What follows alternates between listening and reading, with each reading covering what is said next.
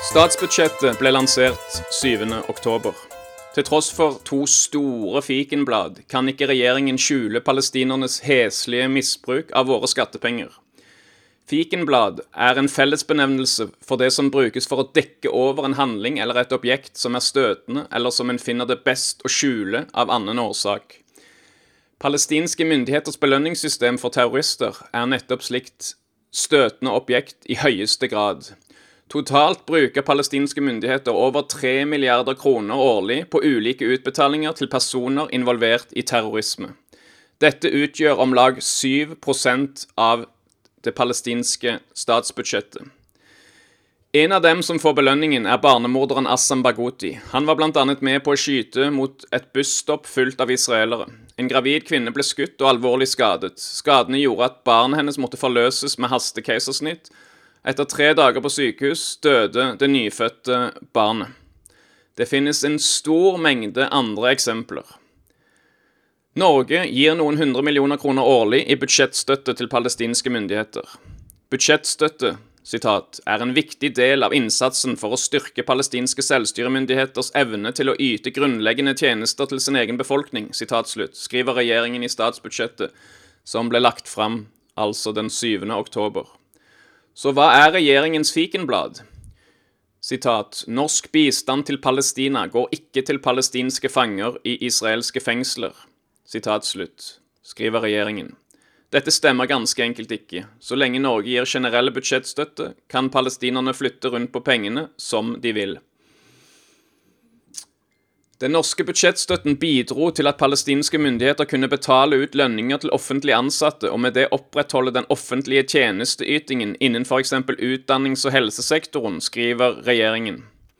Dette er et nytt bevis på at Norge er en bidragsyter til belønningssystemet for terror. Etter at dømte terrorister blir løslatt fra israelsk fangenskap, fortsetter de nemlig å bli lønnet som offentlig ansatte med toppjobber i palestinske myndigheter. Selv om de ikke nødvendigvis gjør noe arbeid for myndighetene. I 2019 skrev regjeringen i statsbudsjettet sitat, Norge har ved flere anledninger gjort det klart for de palestinske selvstyremyndighetene at den nåværende fangestøtteordningen er uakseptabel og må avvikles. Norge arbeider sammen med andre sentrale givere for å avvikle den eksisterende ordningen. Sitat slutt. Disse to setningene er nå beklagelsesvis borte, og palestinerne fortsetter sin belønningsordning uavbrutt. Hva er fikenblad nummer to? Jo, palestinske myndigheters skolebøker, som har vold, martyrdød og jihad som tema gjennom alle tolv år av grunnskolen. Dette gjør palestinske myndigheter så godt de kan for å skjule. I sommer har de lovet norske myndigheter forbedringer, men da skolebøkene for inneværende skoleår kom, var endringene minimale og dels til det verre. Utenriksdepartementet hentyder til det problematiske innholdet i skolebøkene i et litt kryptisk avsnitt av statsbudsjettet. Men regjeringen kan ikke vaske sine hender rene med å hevde at norske penger ikke finansierer skolebøker for de skriver nemlig støtten finansierer ikke skolebøker eller annet undervisningsmateriell. For det første stemmer det ikke. Norge har lovet årlig støtte på 55 millioner kroner til utdanningssektoren i Palestina. Og på planen, denne strategiske planen uh, som da Norge støtter, står det på side 129 og 130 at uh, den innebærer citat, 'reform og utvikling av undervisningspensum'. Og hva hjelper det egentlig hvis norske penger ikke er øremerket til pensumlitteratur, når norske penger betaler lærerne som formidler hatundervisningen, og undervisningslokalene som gjør den mulig? I statsbudsjettet kommer det også frem et annet punkt som viser hvor hul denne unnskyldningen er. Regjeringen skriver sitat, kjernestøtten til FNs hjelpeorganisasjon for palestinske flyktninger, UNRWA, bidro til å sikre grunnleggende tjenesteleveranser til de palestinske flyktningene i Syria, Libanon, Jordan, Gaza og på Vestbredden, inkludert skolegang for over 500 000 skolebarn. Støtten har en viktig stabiliserende funksjon. Sitat slutt. Hvilke skolebøker tror du disse 500 000 barna bruker? Jo, Impact SC beskriver dem slik sitat, Vold, martyrdød og jihad er inkludert i alle klassetrinn og alle fag. Ekstrem nasjonalisme og islamistiske ideologier er utbredt i pensum, inkludert i naturfag og mattebøker.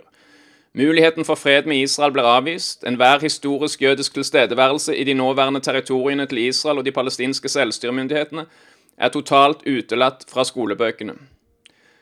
Støtte til slik undervisning lærer opp nye generasjoner til krig og konflikt, og virker på ingen måte stabiliserende. Det er bra at utenriksminister Ine Eriksen Søreide i 2020 har holdt tilbake mer enn halvparten av planlagt støtte til palestinsk utdanning. Det er nødvendig at Stortinget setter foten enda tydeligere ned enn i fjor, slik at regjeringen slutter å skjule seg bak unnskyldninger og palestinernes grønner.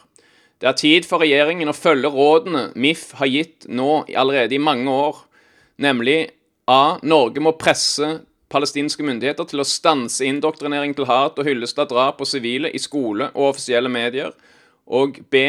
Norge må presse palestinske myndigheter til å avvikle deres skalerte belønningssystem for dømte terrorister.